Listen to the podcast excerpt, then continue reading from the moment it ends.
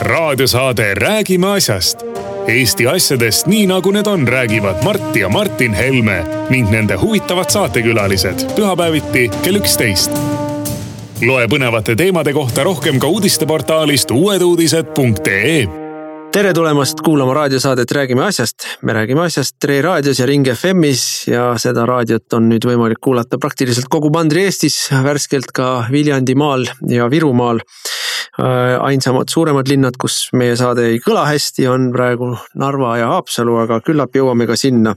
meie saadet on võimalik hiljem järgi kuulata äh, elektrooniliselt meie uute uudiste portaalis uueduudised.ee ja samuti Kuressaare Pereraadios esmaspäeval.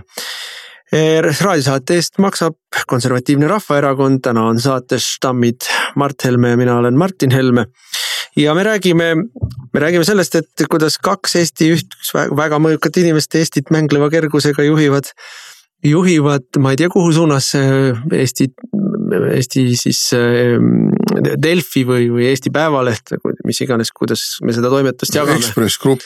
jah, on teinud äh, Eesti mõjukate nimekirja ja, ja minu meelest on see nimekiri tehtud ainult selle jaoks, et küli, külvata tüli ja pahandust ja sõimata inimesi, aga kohe sellest räägime. siis me räägime sellest, et äh, mis toimub ikkagi NATO-ga äh, ja mis asi, mis asi on või ei ole plaan B ja kellel see on või ei ole ja kuidas Eesti ja ka Soome ajakirjanikud äh, ei suutnud taas hoiduda kiusatusest toota tohutus koguses libauudiseid, kas omaenda rumalusest või pahatahtlikkusest. Siis me teeme, me oleme ammu lubanud ja ei ole pikalt äh, seda lubadust suutnud täita, kokkuvõtte sellest, mis seisus on Brexit ja Briti valimised ja räägime loomulikult ka äh, siis äh, saate lõpus samuti veel üks lubadus, mida me oleme pikalt lubanud, aga pole täitnud sellest, mis toimub Ameerikas siis Trumpi tagandamisüritusel.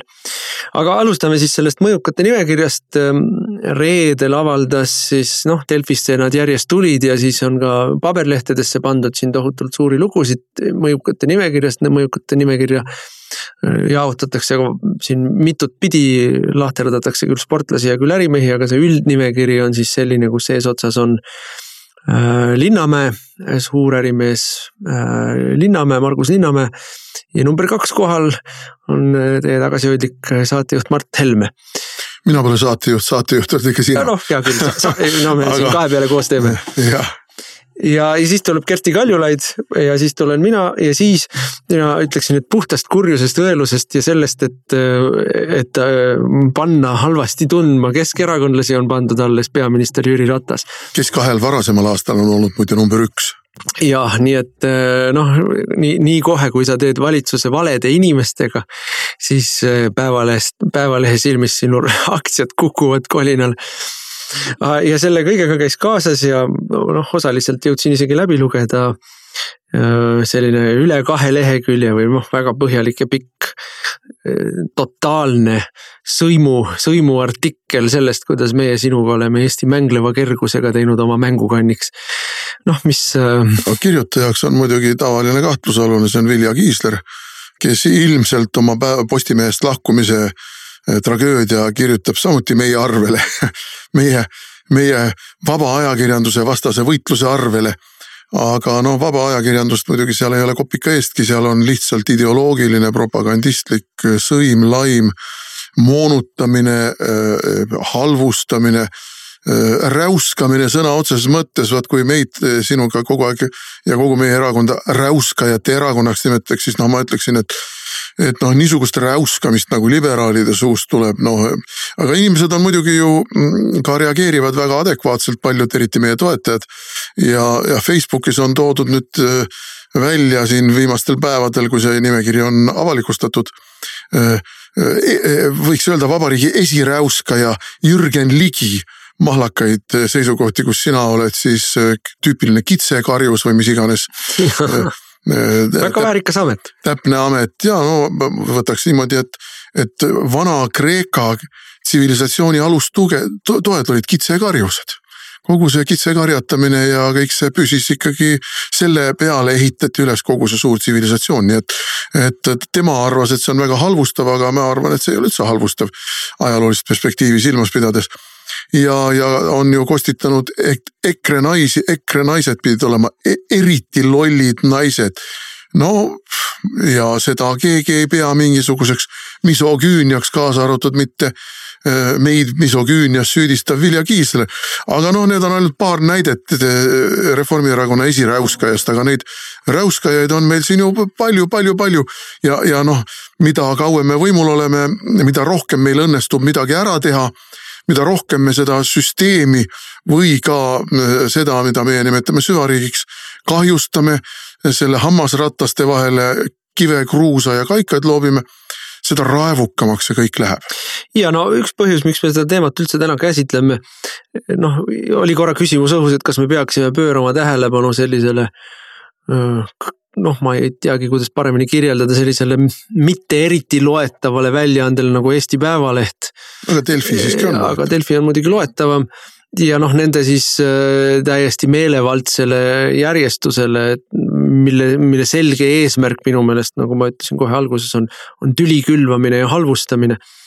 et selleks räägimegi, et, et, et lahata seda, kuidas siis kuidas siis propaganda selle nurga alt töötab, sest et see ei ole ju mitte midagi muud kui jälle katse siis inimestel, inimestel kopsu üle maksa ajada, inimesi tülli ajada, noh, ma ütlen kõige, kõige selgemalt, nii kui ma nägin seda nimekirja järjestust, et peaminister oli pandud tahapoole meist. no, no selge, kellele siis üritati sellega nagu meelehärmi tekitada, mitte lihtsalt peaministrile, vaid noh, kõikidele Keskerakonna siis ütleme toetajatele noh, sellega siis valati ju esimene solgipang pähe. ausalt öeldes ma, ma ei tea, millise mõõdupuu järgi Kersti Kaljulaid seal nii kõrgel tipus on.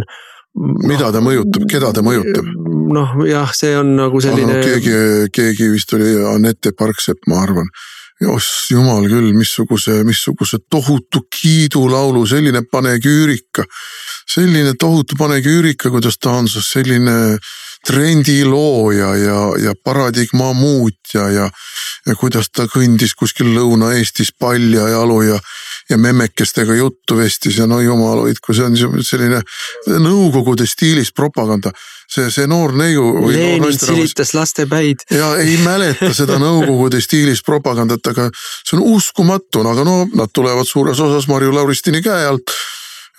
ja, ja eks Marju Lauristin on ju nõukogudeaegne produkt nii et Marju Lauristin on neid täpselt nende skeemide ja nende kaanonite kohaselt vorminud ja sealt kogu see, kogu see neomarksistlik äh, propaganda, mis põhimõtteliselt suures osas tugineb äh, nõukogudeaegsetele propagandastampidele, mis omakorda tuginevad suuresti äh, Natsi-Saksamaa stampidele Natsi-Saksamaa jälle omakorda mingil määral kopeeris Ameerika vaba ajakirjanduse propagandavõtteid, reklaamivõtteid. Et noh, siin me võime sellise planetaarse võrgustiku lausa joonistada. ja nii, et Vilja Kiisler tegeleb natsipropagandaga, me võime siit tõmmata hästi selged, kiired, otsesed äh, sidemed. Tema sõnavõttudele, ta pöördus minu poole ka, et, et ma annaksin intervjuu seoses selle nende poolt kokku pandava nimekirjaga, ma isegi ei hakanud vastama, sest et ükskõik, mis ma oleks öelnud või, või ütlemata jätnud. ma juba teadsin ette, et sealt tuleb õudne sopakas, et milleks, milleks mul on vaja ennast üldse ja. vaevata selle hetke hetkekski selle ka mina, tööga. ka mina, äh, ta pöördus küll meie pressiosakonna poole.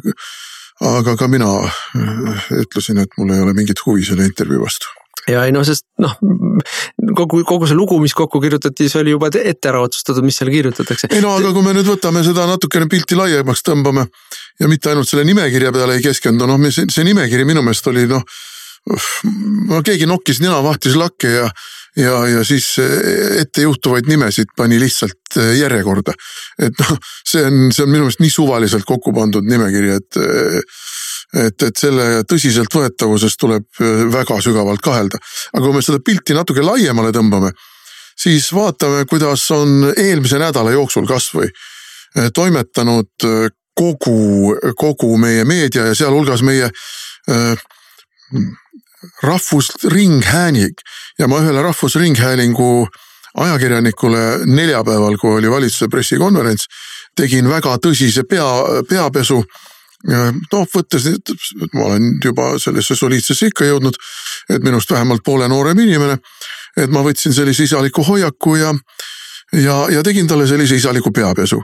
et sõbrakesed, kas te seal ükskord hakkate aru saama Rahvusringhäälingus, et te olete kogu rahva omand ja te peate olema tasakaalustatud, te peate olema erapooletud ja teie uudis, uudised ei saa olla propaganda, aga mida teie teete? Ja, ja tõin talle näiteks selle, mille nad tegid siis selle, noh, kui me jõuame NATO teema juurde. seesama skandaal, mis puhuti üles. mingit skandaali ei ole. mingit skandaali ei ole, täielik libaskandaal. sellest, selle plaan B ümber ja mis siis tehti? aga tehti see, et äh, võeti suvaliselt äh, pikast, väga pikast mõtteavaldusest välja üks lause mille puhul tõepoolest ma tunnistan, et äh, seda on võimalik mõista niipidi ja naapidi. no mina, kui ma lugesin selle läbi, äh, me jõuame kohe selle NATO juurde, me jõuame, et mina lugesin selle so soomekeelse intervjuu tõlke läbi ja mina ütleksin, et see oli ikkagi selgelt ülepingutatult, pahatahtlikult tõlgendatud arusaamine, kui, kui noh, aga, aga noh, kohe jõuame. ja, aga, aga mida siis tehti? keevitati sinna juurde kõikvõimalikud vaenulikud ja, ja poliitiliste oponentide ja, ja muidu eh, liberaalse globalistliku maailmavaate esindajate ja maaletoojate ja propagandistide seisukohad. no Ilmar Raag, no, no kas kellelgi on kahtlust, et Ilmar Raag on, on mingisugune tõepoolest eh, strateegilise kommunikatsiooni juht või? Ilmar Raag on kõige labasem neomarksistlik propagandatöötaja, mitte midagi muud ei mingit strateegilist kommunikatsiooni. kes on alati meid vihanud. kes on kõigele lisaks meid vihanud ja, ja ütlesin talle, et kaks tuhat viisteist juba tuli äh, riigikaitsekomisjoni, kus ma istusin ka laua taga ja kukkus rääkima, kuidas EKRE on Putini äh, käsilane Eestis. ma juba siis ütlesin, et kas ta endale aru ka annab, millest ta räägib, kas see on terve mõistusega inimese jutt? ei, ja korrutatakse siiamaani viis aastat on mööda läinud, aga ikka korrutatakse sedasama jura ja see on strateegiline kommunikatsioon. no andke andeks, ei ole strateegiline kommunikatsioon, see on rumal jutt, mida tehakse ühe poliitilise jõu kahjustamiseks. no ja siis toodi välja seal veel veel teisi neid igasuguseid karvaseid ja sulelisi, kes kõik rääkisid mureliku näo ja mureliku häälega, missugune hirmus tragöödia on nüüd sündinud ja kuidas Eesti julgeolek ja kaitsevõime on saanud fataalse paugu no kohe tuleme selle NATO teema juurde, ma tõmbaks joone alla sellele mõjukate teemale. et see mõjukate nimekiri, noh, eks seda igal aastal tehakse ja, ja seda teevad vahel erinevad väljaanded, mõnikord on teinud, põhiliselt on viimastel aastatel, kui mul mälu ei peta, on ikkagi teinud seesama Ekspress Grupp. ja noh ega ta kindlasti avalikkust ju huvitab ja, ja, ja noh, mingi intriig seal on ja. ja ega ma nüüd nii võlts tagasihoidlik ka ei ole, et ju me ikka Eestis mingit mõju omame. et noh, kas nüüd teisel ja neljandal kohal või, või viiendal ja seitsmendal kohal, aga, aga noh.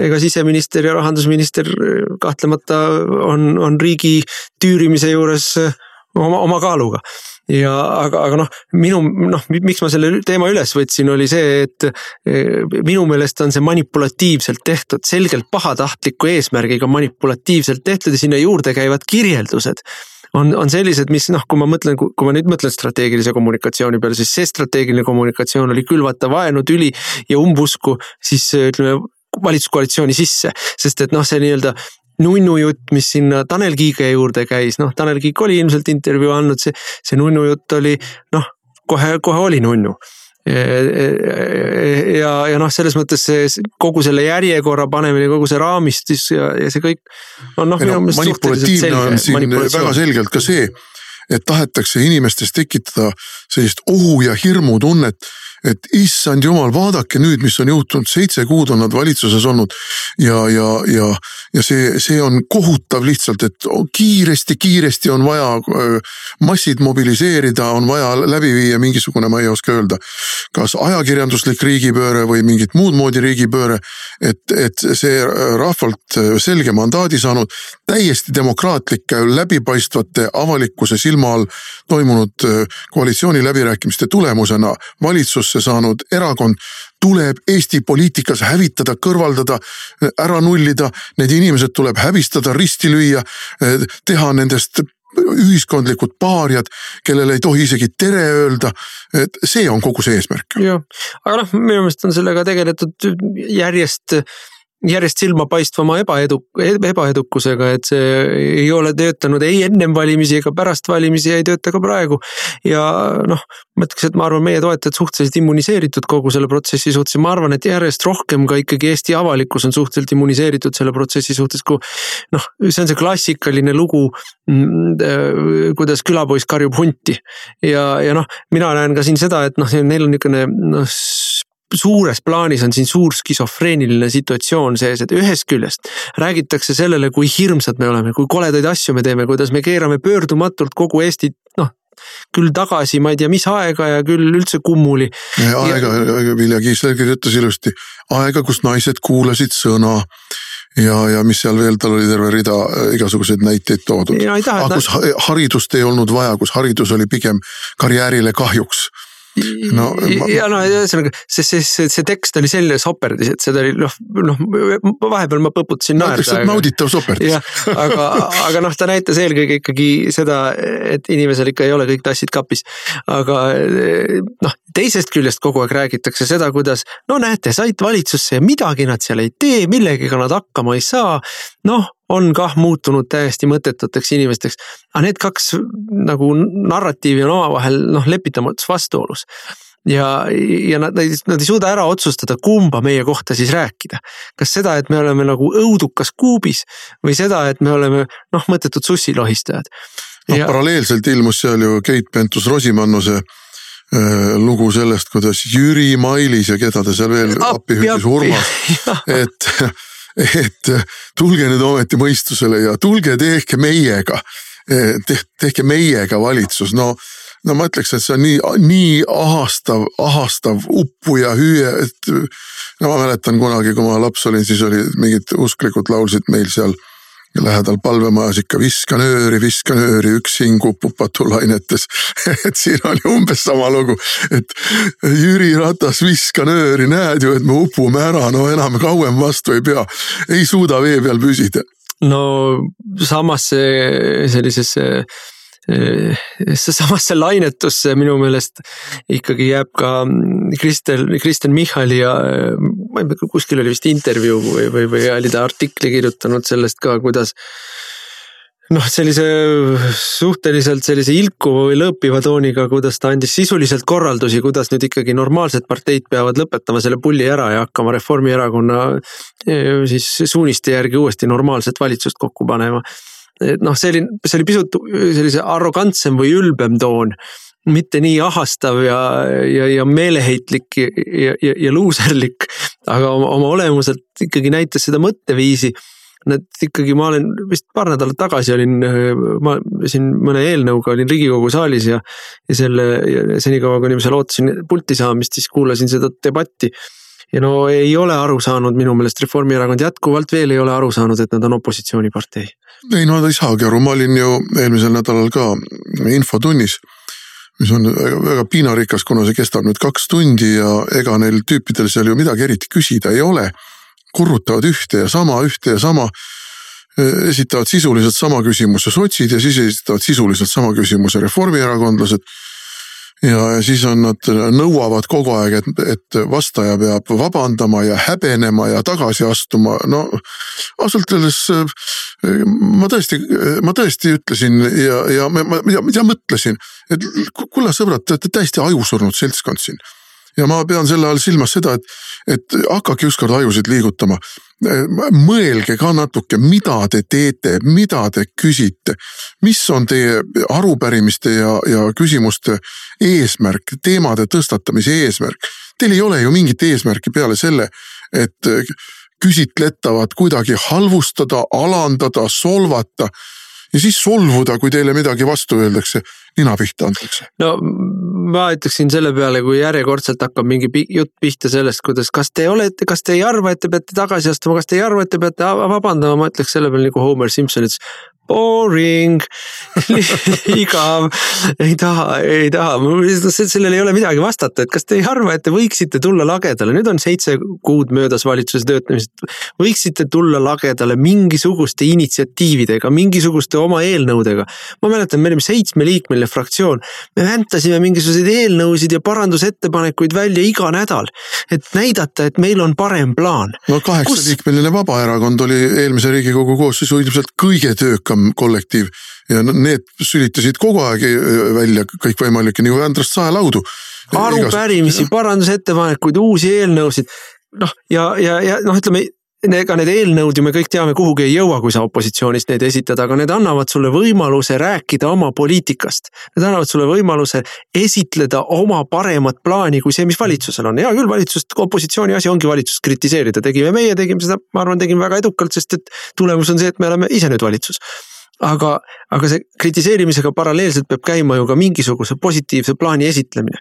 et mida teie teeksite teistmoodi ja Reformierakonna ainus vastus sellele on, meie läheksime tagasi aastasse kaks tuhat kuusteist, kui Taavi Rõivas oli veel peaminister ja peenhäälestas. aga see ei ole plaan, see ei eruta kedagi, see ei ole mingisugune sisuline alternatiiv tänasele valitsusele.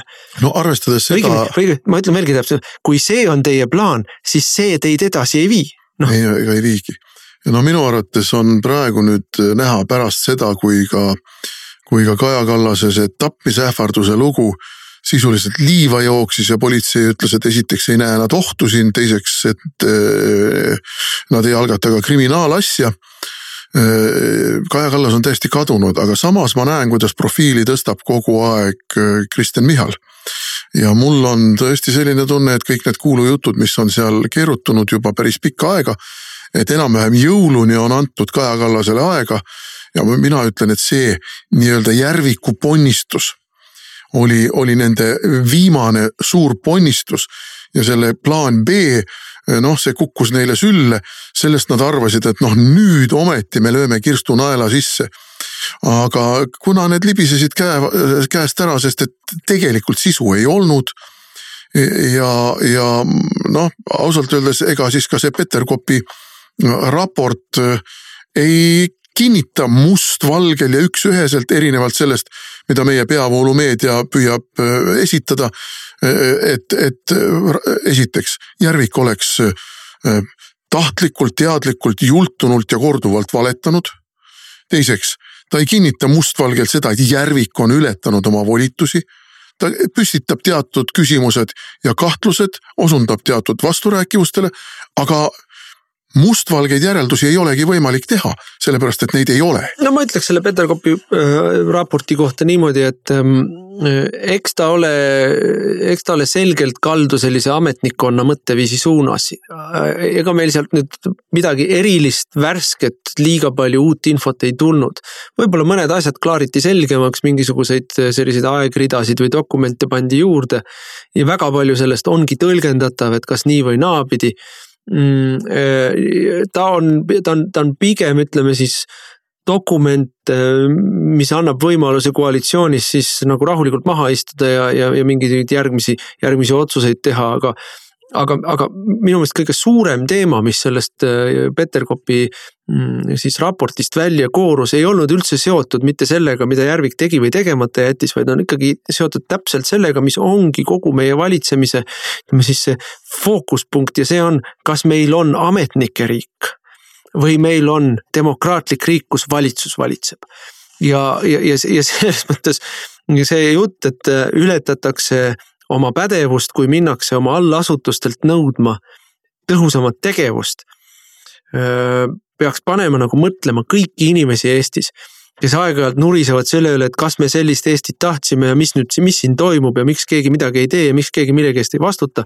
aga vastus on sellepärast, et üles on ehitatud riik, kus kelleltki vastutust nõuda, sul ei ole praktiliselt seadusega lubatud ja, ja, ja mina arvan, et selliseid seaduseid tuleb muuta. ma arvan, et selle Järviku raporti üks kõige kaalukam järeldus on see, et selliseid seaduseid tuleb muuta, mis ei luba ministril oma valdkonnas tõhusalt tegutseda. ei no ja mis annab ametnikele õiguse ja võimaluse irvitada poliitikute ja valitsuse üle ja öelda, et aga mind te ei kanguta, mina olen puutumatu, mul on niisugune seaduse kaitse peal. et kui te hakkate mind lahti laskma, ükskõik, kas ma olen rikkunud mingit midagi, teinud midagi valesti või mitte siis ma lihtsalt sülitan selle peale ja, ja lõppkokkuvõtteks jääte teie lolliks, aga mitte mina. Lähen meediasse ja keeran veel seal õudse äh, pasarahe, nagu president ütleb. ja, aga ongi ju, ongi ju mindud juba, ongi ju, nüüd on ju väga selgelt näha, kuidas kõik usual suspects, nagu võib öelda, tavapärased kahtlusalused on tõusnud siis maaeluministeeriumi kantsleri kaitsele ja karjuvad, kuidas kuidas ausat ametnikku ei tohi äh, karistada. Äh, esiteks muidugi äh, ma ei arva, et see nii on.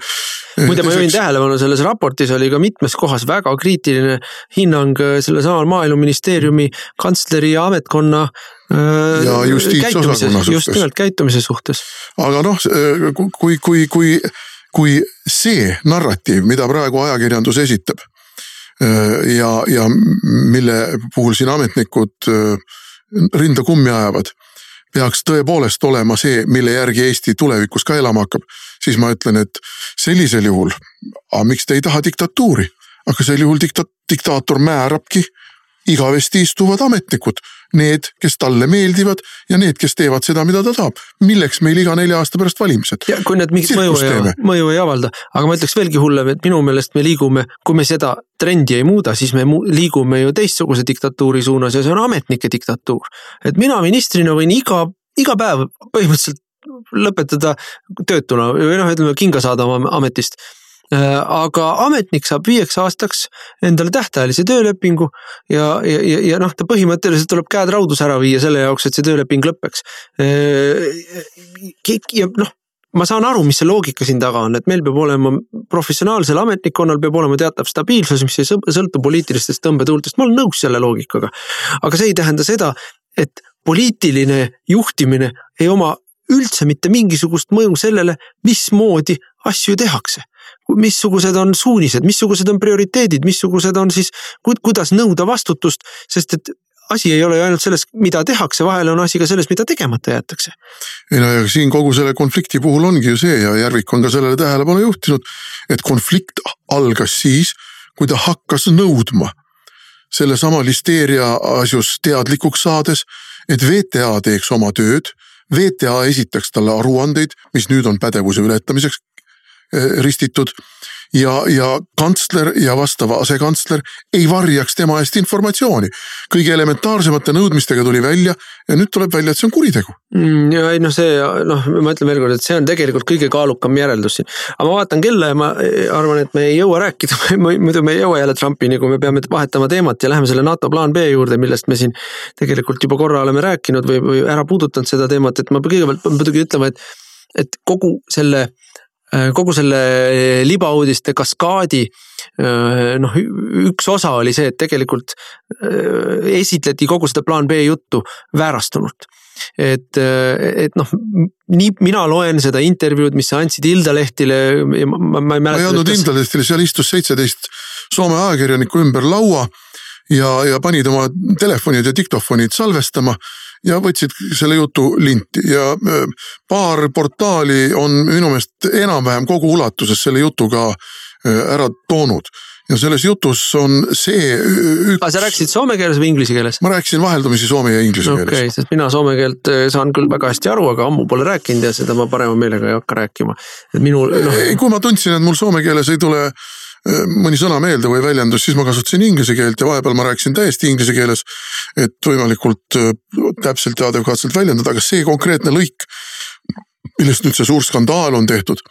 Äh, see, selle ma ütlesin soome keeles ja, ja see mõte oli mul see, et kui meil tekib probleem, siis on see probleem ka kohe meie naaberriikidel, eelkõige lätlastel ja leedulastel. see oli selle mõtte sisu ja ma möönan, et see ei olnud äh, öeldud nii selgelt, nagu ma seda praegu ütlesin, vaid see oli öeldud nii, et sellest oli võimalik tekitada kaheti mõistetav või isegi üheti mõistetav tõlgendus. mida loomulikult, millest haaras ka kogu, kohe see Hilda Lehti ajakirjanik kinni ja haistes siin võimalikku rahvusvahelist sensatsiooni, tormas kohe hotelli, kirjutas selle maha, saatis toimetusse ära. mina ütleks, kirjutas selle vildakaks väga ja, selgelt kirjutas. ja pani rõhuasetuse just nimelt muule asjale. ja, ja, ja noh, muidugi ärme unusta, et Ilda-lehti Soomes on, on noh, umbes sama sorti väljaanne nagu Eestis on Õhtuleht. nii et eh, noh, ei ole kvaliteetajakirjandus. aga mina ütlen selle peale, et okei okay,, okei okay., oli korraks meil siin torm veeklaasis.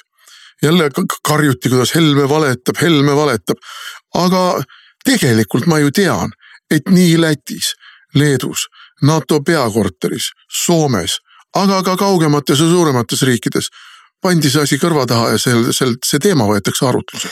ei no oluline, siin on minu arust on siin sellel teemal on nagu, kui me jätame kõrvale selle, eh, siin on nagu mitu punkti, esimene punkt on see, et mina ei ole nõus, et nii tähtis teema nagu riigikaitse teema, et sellel teemal me probleemidest rääkida ei tohi. No, ja nagu meil on probleem hästi, õhus ju. nagu sa väga hästi ütlesid, kui see asi puhkes, et, et riigi julgeolek on sedavõrd keskne ja oluline teema, et siin iseendale valetamine on lubamatu.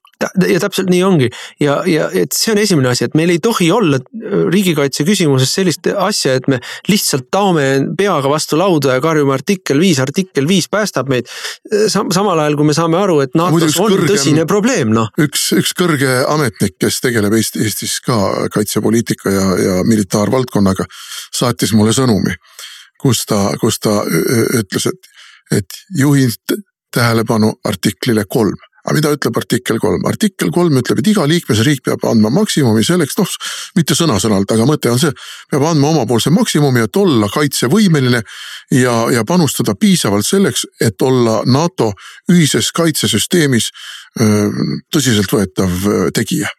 Ja, ja seal on veel kõige lisaks ka ees artikkel neli, aga noh, me ei hakka neid praegu siin kõiki lahti kirjutama aga see on üks punkt, teine punkt on nüüd see, et ähm, sa ei öelnud ju mitte midagi sellist, mis oleks kuidagi uus või ma ei tea, riigisaladus või midagi. debatt selle üle on ju äh, käinud juba mõnda aega, on ja viimane selline nagu kõrge profiiliga ja, ja, ja väga kaaluka sõnaga inimene oli Prantsuse president Macron, kes kasutas väljendit, et NATO on ajusurmas me rääkisime vist ka eelmises saates või paar saadet tagasi sellest, missugune probleemipundar on Türgi, NATO üks suuremaid sõjalise võimekusega riike missuguses probleemipuntras on Türgi ja kui lähedaseks on muutunud Türgi-Vene suhted.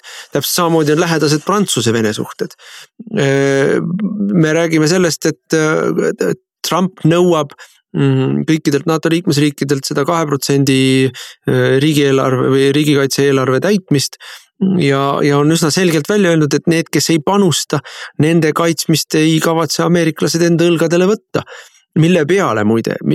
Kõik kirusid ja sõimasid ja rääkisid sellest, kuidas Trump on pannud NATO-le miini alla, aga tegelik tulemus on see, et väga paljud riigid on asunud oma võimelünki kiirendatud tempos likvideerima ja NATO on muutunud palju tugevamaks.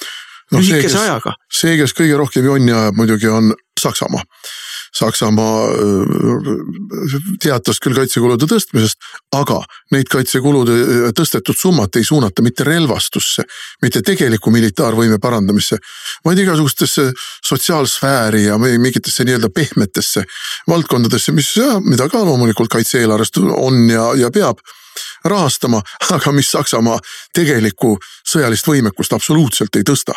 noh, ja, ja NATO, ütleme siis veel üks suur NATO riik ehk britid seoses sellega, et nad lahkuvad Euroopa Liidust.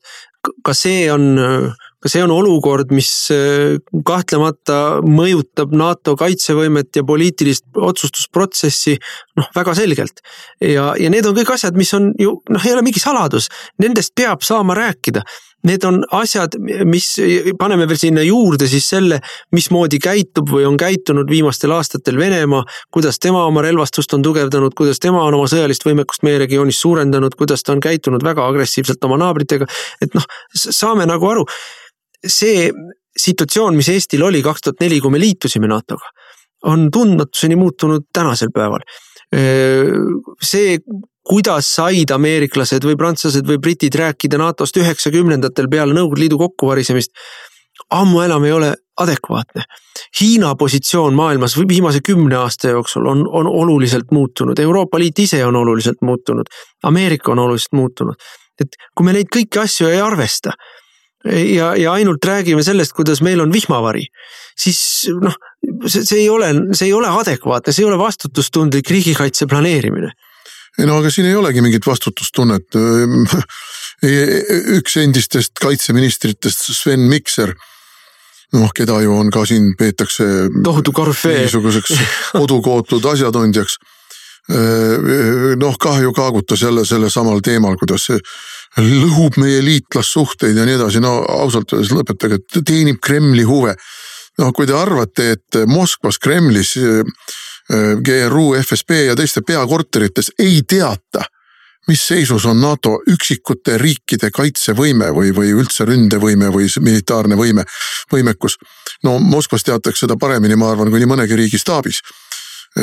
kaasa arvatud ma ka, ka, ka kipun kahtlustama, et Eesti staabist paremini teatakse seda. ja, ja kui keegi arvab seal, et ameeriklaste seisukoht, mida ma lugesin juba aastal kaks tuhat kuusteist, kaks tuhat kuusteist, et NATO on külma sõjaaegne anakronism mis sellisel kujul ei saa efektiivselt jätkata. rõhutan, sellisel kujul. ameeriklased ei ole kordagi öelnud, et NATO tuleb laiali saata või et NATO-t üldse ei saa kasutada enam julgeolekuinstrumendina, aga nad ütlevad, et ta on anakronism külma sõja aegsel kujul. Ta vajab ümbermõtestamist, ta vajab ümberrelvastamist, ta vajab kohustuste ümbermõtestamist ja ümberkujundamist. Ja need on kõik asjad, millega ei ole tegeletud, sest kõik, kõigil on olnud jube mugav ameeriklaste kulul liugu lasta. Ja kuni äh, Obama administratsiooni lõpuni see ka väga edukalt õnnestus. no tegelikult ei õnnestunud, tegelikult on siis nali ongi selles, et Obama ajal keegi ei kritiseerinud NATO-t, aga lisaks sakslastele, prantslastele, brittidele hakkas ka noh, Obama NATO-t desarmeerima. Ehk siis tegi seda sõjalist võimekust veel nõrgemaks, kui ta seni oli, vedas välja siit väeliike ja väeüksusi ja, ja, ja jättis paigutamata juba varem kokku lepitud näiteks sellesama raketitõrjekilbi Poola ja Tšehhisse ja igast selliseid otsuseid tegi Obama. aga siis ei karjunud keegi, et NATO-t õõnestatakse või nõrgestatakse see, et sõjalist võimekust vähendati ka tema kõige, NATO kõige suurema sõjalise riigi, sõjalise võimega riigi poolt see ei olnud mingi teema, sellest ei räägitud, aga siis tuli Trump ja ütles, et kuulge, pange rohkem raha sisse ja saage kõvem riigikaitse. see oli järsku NATO õõnestamine, nüüd on samasugune situatsioon. Meie, kes me ütleme, et me tahame, et NATO oleks päriselt tugev ja tegelik heidutus, mitte pabertiiger. meile öeldakse, et me oleme Kremli agendid. Ja need inimesed, kes lasevad NATO-st tekkida poliitilisel paralüüsil eh, ja, ja, ja sõjalisel võimekusel veelgi edasi langeda, need ei ole siis Kremli agendid. mina ütleks, et need just on rohkem Kremli agendid ja, ja, ja selles mõttes. ei no kui tuleme sisepoliitikasse tagasi, siis kaks tuhat seitse oli see aasta, kui tollane kaitseminister Jürgen Ligi võitles ennastsalgavalt nagu ema lõvi selle eest, et likvideerida sõjaväeluure. sest sõjaväeluure tegeles tema tollase süüdistuse kohaselt kaitseministeeriumi ametnike järele nuhkimisega. nii, ei läinud väga palju aega, kui meie liitlaste, meie sõprade survel ja informatsiooni kohaselt sealtsamast kaitseministri, ministeeriumist leiti Herman Simm. kellele nüüd tahetakse amnestiat anda ei no ma tuletan ka seesama Sven. ja, ja teine asi veel, võitles ka selle eest, et meil kaoks ära ajateenistus et kes see Kremli agent meil on siin? ja seesama Sven Mikser, kes äh, plädiseb siin, nende, tema juhitav Sotsiaaldemokraatlik Erakond tahtis riigikaitsekulusid äh, radikaalselt vähendada, nemad noh, nii rumalad ei olnud nagu Reformierakond, et ütlesid, et ajateenistus tuleb ära kaotada, nemad tahtsid lihtsalt raha ära võtta. noh, mis teeb tast sama välja, et äh, palju õnne ja nüüd, nüüd on nemad tohutud NATO kaitsjad. räägiks korraks sellest plaan B-st, et mida see plaan B siis endast kujutab, et keegi ei räägi siin noh see esiteks on see täielik bluff-uudis või see on libauudis, noh, mingi. nii noh, siin reageeris ka Jüri Luik, et me ei tee plaan B-d lätlastega koos, muidugi ei tee, seda sa ei öelnud ka. sa ei öelnud, et me teeme plaan B-d lätlastega või, või leedukatega no, või soomlastega koos. see on soomlaste poolt tekitatud libauudis, Soome Õhtulehe poolt tekitatud libauudis. plaan B tähendab seda, et me, me vaatame kujunenud olukorda ja mõtleme välja, mis on meie variandid ja neid variante me ju peame niikuinii mitmesuguseid kogu aeg edasi arendama, üks neist on sisekaitsereservi tugevdamine teine tähendab noh, meie jaoks ülioluline, millest ka mitte kunagi ei saa liiga palju rääkida, on iseseisva esmase riigikaitsevõimekuse tugevdamine. ega NATO artikkel viis meile appi ei tule, kui me ei suuda siin kõigepealt püsti panna enesekaitset esimestel päevadel ja nädalatel. No, Pole praegu, tulla kuhugi. praegu kõige tugevamad soomusjõud on sellel samal NATO siin paikneval pataljonil see see tähendab seda, et kui, kui see käputäis tanke ja soomukeid, mis sellel, sellel pataljonil siin on, on meie kõige tugevam soomusjõud, siis järelikult meil soomusjõude ei ole. meil endal ei ole midagi, jah. ja, ja, ja see on üks lünk, mis vajab täitmist ja millega ei ole, millest on räägitud juba, issand jumal, kui palju aastaid, kümme aastat vähemalt, kümme aastat vähemalt, tegime vaba mõtteklubi Leo Kunnas on sellest rääkinud vähemalt kümme aastat. vähemalt kümme aastat on rääkinud, räägitud nii NATO kui Eesti puudulikust juhtimissüsteemist. nagu, nagu vastu tuult sülitamine, mitte midagi ei ole muutunud. mit-, kui palju on räägitud sellest, et, et esiteks kahest jalaväebrigaadist on vähe, aga vähe sellest, see teine jalaväebrigaad on ka ka, kui kaua räägitakse juba, seitse-kaheksa aastat vähemalt on ikka veel lõpuni komplekteerimata, relvastamata, varustamata, välja õpetamata ja nii edasi ja nii edasi. Kus see meie kaitsevõime on, aga see ongi plaan B, et me need asjad ära teeme radikaalselt kiiresti. Ja raha on uhatud ju sinna küllalt. No, raha taga see asi ei seisa. igal aastal antakse ju kaitse. ja, ja, ja teine osa plaan B-st on läbirääkimised senisest tõhusam agressiivsem, jultunum diplomaatia suurte NATO liikmesriikide suunal. et välja selgitada, mis see poliitiline tahe seal on, mis see poliitiline ja sõjaline valmisolek seal on mitte NATO plaan või paragrahv viis ja kuskil mingisugustel NATO tippkohtumistel õitsemine, vaid mis on reaalne. Venemaa kardab ainult reaalset sõjalist jõudu ja kui seda reaalset sõjalist jõudu ei ole, siis ei ole sellest kaaga kaagatamisest mitte midagi kasu. no ja veel üks asi, ega noh, ma ütleksin niimoodi, et aga ameeriklased on tegelikult plaan B ka juba ju välja käinud ja selle plaan B nimi on, on kolme mere initsiatiiv või, või siis ütleme nende tihendatud liitlassuhted uue Euroopaga, nagu Don Rumsfeld omal ajal ütles, et see ei ole nii selgepiiriline, aga noh, ega me ei olegi sellises faasis, kus noh, me oleme sellises faasis, kus meil on, me, me oleme muutuste faasis, kus mingisuguseid mingisugused noh, kõik tunnetavad, et mingisugused vanad asjad enam sellisel moel ei tööta, nagu nad peaksid ja otsitakse neid siis nagu uut ja paremat lahendust. NATO sees esialgu kindlasti, aga, aga, aga see, see tähendab seda, et ja üks neist plaanidest, millest räägitakse, on loomulikult ütleme siis tegelikult nende riikide tihedam koostöö, kelle jaoks Venemaa on reaalne sõjaline oht ega prantslastel või itaallastel või hispaanlastel ju polegi tegelikult noh, noh millest me räägime, neil puudub igasugune ajalooline kogemus. vaata, kui me rääkisime siin Marine Le Peni teemadel ja sellest, missugune on tema suhtumine venelastesse. aga mi, mida te, mida te tahate? Neil puudub igasugunegi vähimgi kokkupuude, ajaline kokkupuude, ajalooline kokkupuude no, venelastega. tõsine kokkupuude oli neil Napoleoni ajal, Napoleoni ajal. ja, aga kes siis äh, Pariisis, lõpuks jõudsid Pariisi Aleksander Esimese mm, aadlikest ohvitserid mm, kes äh, viisid sealt edasi siis tagasi Venemaale. Mm, põhimõtteliselt nad prantslastusid seal ära pigem kui midagi muud. jakobiinluse vaimu viisid. jah, et, et noh, selles mõttes see kõik ei noh, noh, millest me räägime, kas meil on, me ei räägi tänasel päeval oma julgeoleku tegemisel ju sellest kogemusest, mis me saime Põhjasõja ajal, eks ole, kolmsada aastat tagasi. et noh, nendelt nõuda samasugust põhimõttelist no, tunnetust. teise maailmasõja ajal olid nad noh. liitlased no. teise maailmasõja ajal olid nad Venemaaga liitlased ja külma sõja ajal jah, aga see oli külm sõda ja, ja, ja, no külma sõja ajal nad olid ikkagi põhilised need, kes lääne ühtsust torpedeerisid, olid ju prantslased noh. täiesti selgelt. ja ega mida nad täna teistmoodi teevad. ikka eridiile teevad venelastega. et siin ongi nüüd ja tegelikult see kolme mere initsiatiiv, see on käidud välja juba tosinkond aastat tagasi Ameerikas. sellest on kirjutanud ja rääkinud ikkagi niisugused korüfeed nagu Brzezinski, Kissinger, Friedman ja on seda ideed kogu aeg samm-sammult edasi arendanud. Nüüd algselt oli ta intermaarium ja mõeldud äh, Musta mere ja Läänemere vaheliste riikide ühendusena, sõjalise poliitilise ühendusena, tegelikult mini-NATO-na siis, kui äh, aja jooksul lisandus. aga see ei puuduta, seal ei ole formaalseid piire, eks ole, sest seal on terve hulk riike, noh, kes ei ole ei Euroopa Liidus ega NATO-s ega noh, üldse mingites liitlassuhetes kuidagi. No nüüd on lisandunud põhimõtteliselt Bulgaaria, Rumeenia, Horvaatia, mis Euroopa Liitu on ka kõik nüüd astunud, aga nagu kirjutas George Friedman juba, ma ei tea, hulk aastaid tagasi, et need on tegelikult võitlusvõimelised riigid. võitlustahtelised, võitlusvõimelised riigid, kellede olemasolu sõltub täielikult sellest, kas nad on võimelised Venemaale vastu hakkama või ei ole. Saksamaa olemasolu sellest ei sõltu, sest Venemaa Berliini uuesti tungima ei hakka. Prantsusmaa olemasolu sellest ei sõltu, sest uut Aleksander Esimest, kes Pariisi läheb, ei ole täpselt sama võime öelda Itaalia, Hispaania ja kõikide nende teiste Vana-Euroopa riikide kohta.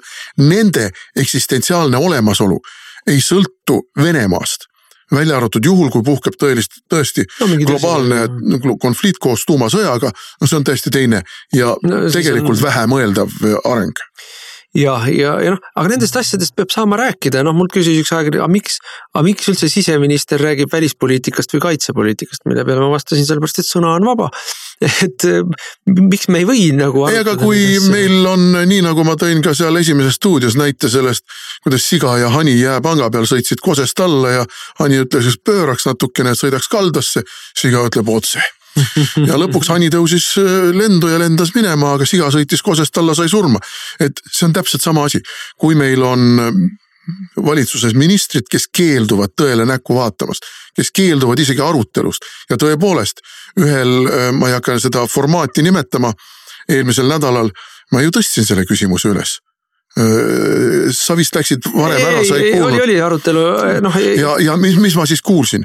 Kuulsin vastu ainult seda juttu, kuidas äh, NATO ühtsust ei tohi kahjustada. meil ei ole vaja seda küsimust tõstatada, meil ei ole vaja hakata rääkima mingisugustest alternatiividest, sest see kahjustab NATO-t. no kui selline kivistunud mõtteviis on, kui selline ajusurnud suhtumine on sellesse asjasse, noh, siis on äärmiselt kahetsusväärne, siis ei saagi loota kaitseministrile ja teistele ministritele, vaid siis tuleb enda kätte võtta asi, seda enam et praegu me näeme seda, kuidas on kõik suuremad konf sõjalised konfliktid alanud sisekonfliktidest.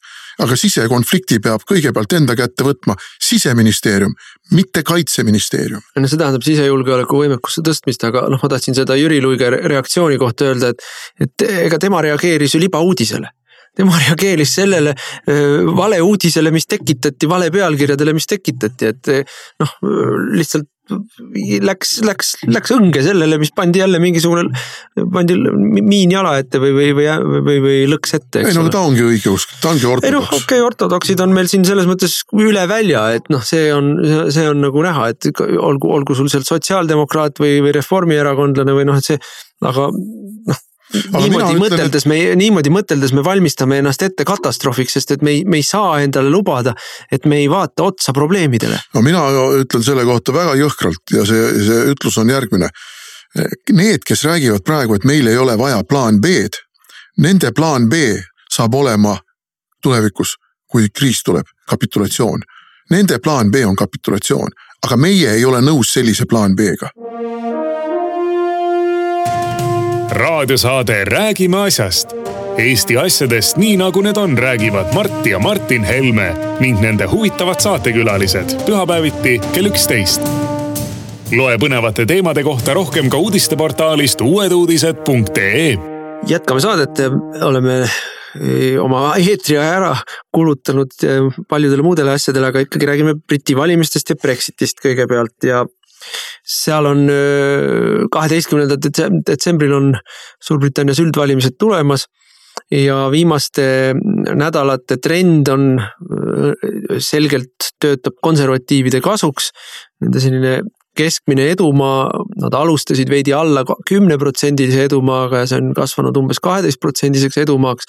aga, aga seal on nüüd mitmed asjaolud, esiteks on Inglismaa ju majoritaarse valimissüsteemiga riik mis tähendab seda, et sul on täpselt nii palju valimisringkondi, kui sul on parlamendis kohti, ehk siis kuussada viiskümmend valimisringkonda.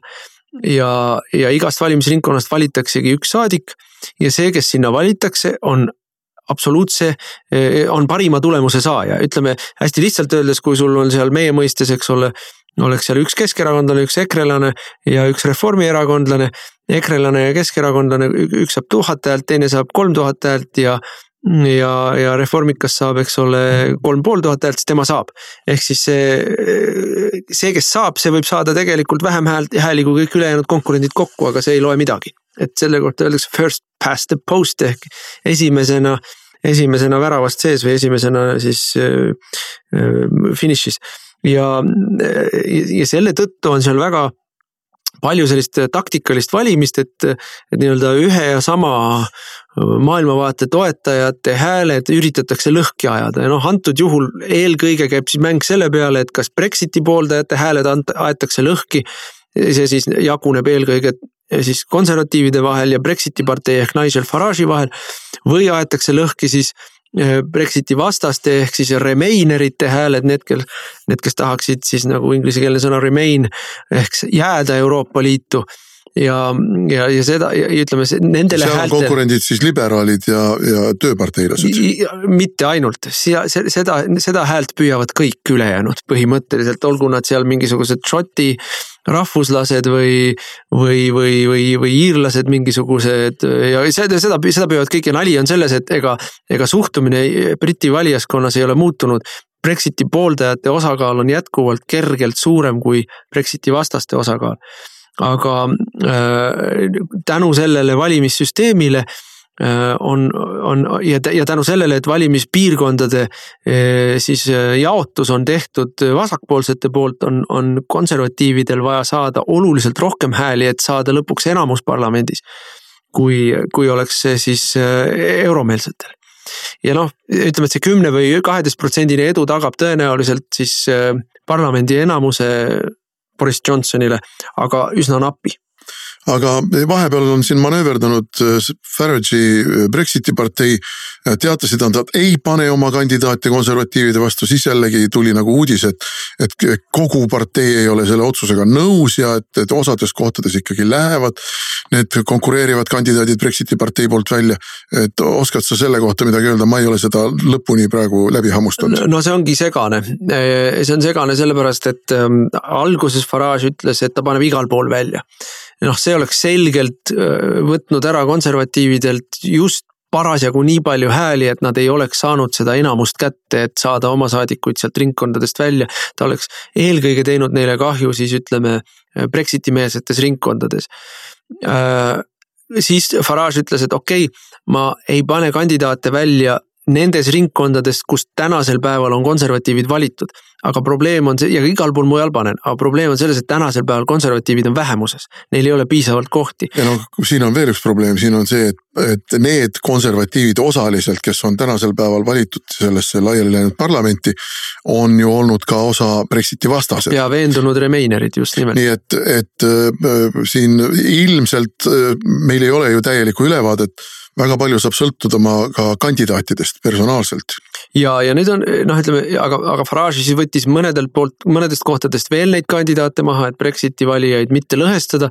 ja nüüd on täpselt samasugune manööverdamine käib siis teisel poolel, kus siis tööpartei, Corbyni juhitav tööpartei ja, ja siis liberaalid omavahel maid jagavad ja seal siis nii-öelda euromeelseid hääli lõhestavad aga, aga noh, praegu noh, ütleme viimase nädala jagu on üsna selge trend selline, et et siis need euromeelsed koonduvad pigem tööpartei taha taktikalisel kaalutlusel, et mitte, mitte anda seda võimendust siis vastaspoolele.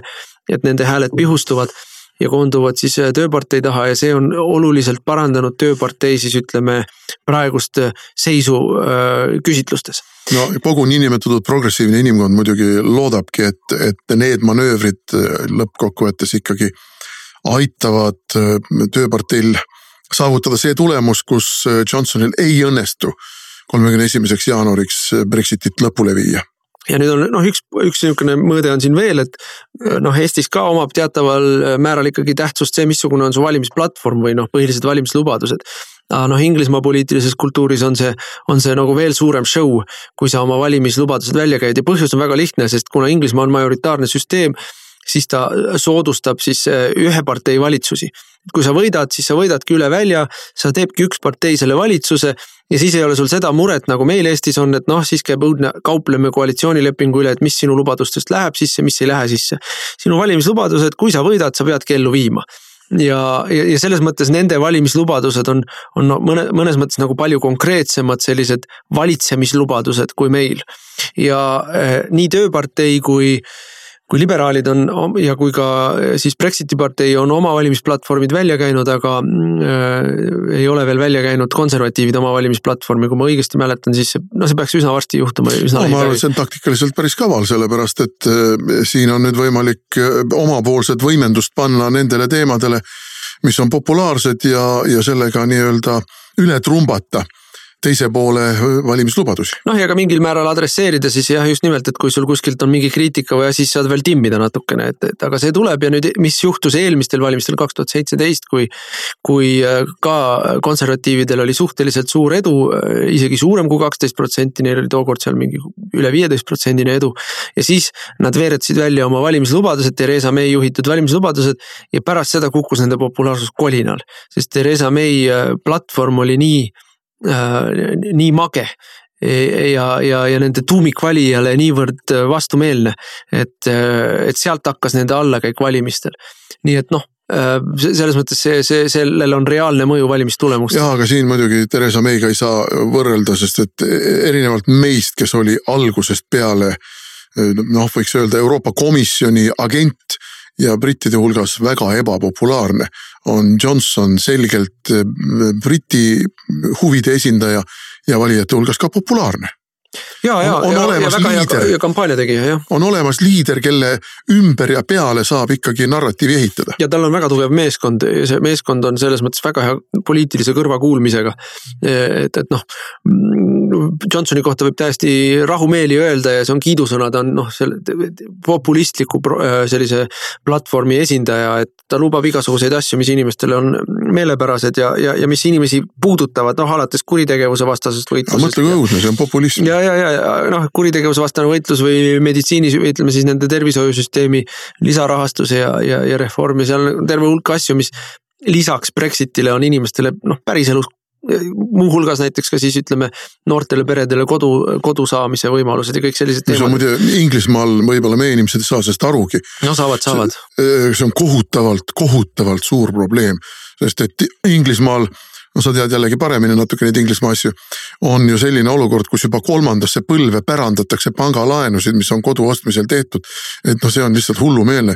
kinnisvarahinnad on, on eriti suurtes linnades, no Londonist rääkimata. ebanormaalsed. täiesti ebanormaalsed. ja, ja, ja põhjus on selles, et ei ole kättesaadavust. selleks on kaks omakorda põhjust, üks on siis see, et on väga suur immigratsioon ja teine põhjus on see, et, et kõikvõimalike muinsuskaitse ja planeeringuseadustega on muudetud väga keeruliseks uute majade ehitamine. aga siin on muide ka üks asi, mis läheb tagasi juba varasematesse Leiborite valitust, valitsustesse. see on see, et juba kuskil kuuekümnendatel võtsid Leiborid vastu otsuse, et maksustame aristokraadid surnuks ja sealt hakkas see kinnisvaramaksude kerimine ja kogu see niisugune jõukuse maksustamine ja, ja muu vasakpoolne agenda millel on olnud teatud efekt, aga tegelikult peab ütlema, et Euroopa aristokraatidest on britid kõige elujõulisemad olnud ja kõige osavamalt ja kavalamalt osanud nendest äh, karidest mööda loovida. no lisaks sellele on Suurbritannias väga-väga jõhker pärandusmaks ja, ja see on selline, et väga paljud inimesed saavad päranduseks väga korraliku maja ja siis on sunnitud selle maja lihtsalt maha müüma, sest et ja, ja, ja jäävad nulli omadega.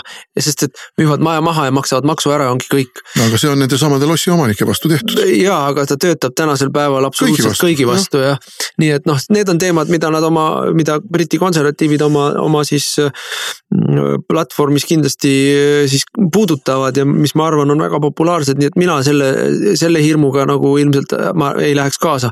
et nende platvorm seekord saab ebapopulaarne olema, aga, aga noh, kogu süsteem, nii meedia kui, kui valimissüsteem, kui, kui kogu ülejäänud poliitiline maastik muidugi töötab Johnsoni vastu, rääkimata siis Euroopa Liidu kõikidest tasanditest no neil on selle eest jälle võimas liitlane äh, Ameerika Ühendriikide näol, sest et selge on see, et äh, pärast Brexitit selleks, et äh, Euroopa mandriosaga konkurentsi, Euroopa Liiduga konkurentsis püsida on brittidel vältimatult vaja teatud erisoodusrežiime kauplemisel, suhtlemisel, ka finantsmaailma korrastamisel ameeriklastega.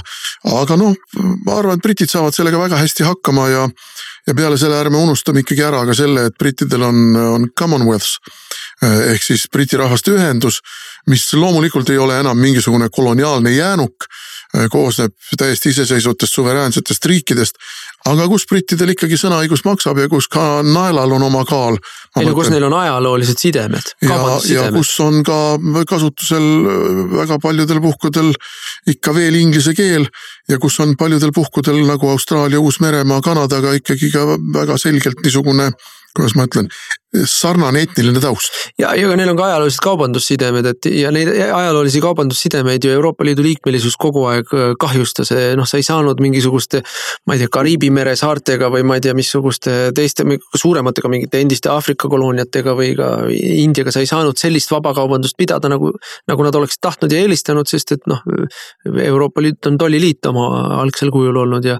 ja, ja, ja, ja, ja väliskaubandus oli, on Brüsseli kontrolli all, nii et selles mõttes Eh, nad kindlasti eh, pööravad selle uuesti enda kasuks nii palju, kui vähegi võimalik on. Nüüd ma vaatan kella ja oleme jõudnud nii kaugele, et peaks hakkama rääkima Trumpist, aga Trumpi tagandamisest, aga sellest me seekord jälle rääkida katsetest, ei jõua. armetutest eh, propagandistlikest ja valelikest katsetest teda tagandada ja ma lõpetuseks ütlen muidugi, et ma kritiseeriksin ikka meie ERR-i korrespondenti seal, kes millegipärast kujutab ette, et, et just nagu eestlased hakkaksid ka Ameerikas presidenti vali, valima ja neid on vaja mõjutada siin. ei, meie ei vali presidenti Ameerikas, lugupeetud ERR-i toimetajad. ei no need uudised, mis tulevad ERR-i kaudu Ameerika sisepoliitikast või ütleme sellest, mis Washingtonis toimub, on noh, need on mingisuguse noh, minu, minu meelest sama hästi kui maha kirjutatud, noh, nad on eelkõige maha kirjutatud Ameerika vasakpoolsest meediast. ja Ameerika vasakpoolne meedia põhimõtteliselt töötab siis äh, demokraatliku partei siukses laiendatud pressiosakonnana. et noh, seda lugeda ja vaadata, sellel ei ole mingit mõtet, sa ei saa sealt mitte midagi, sa ei saa sealt mitte midagi peale selle teada, et Trump on paha inimene.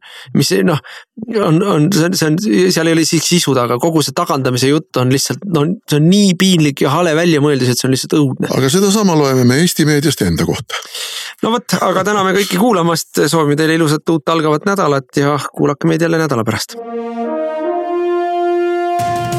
raadiosaade Räägime asjast. Eesti asjadest nii nagu need on, räägivad Mart ja Martin Helme ning nende huvitavad saatekülalised pühapäeviti kell üksteist. loe põnevate teemade kohta rohkem ka uudisteportaalist uueduudised.ee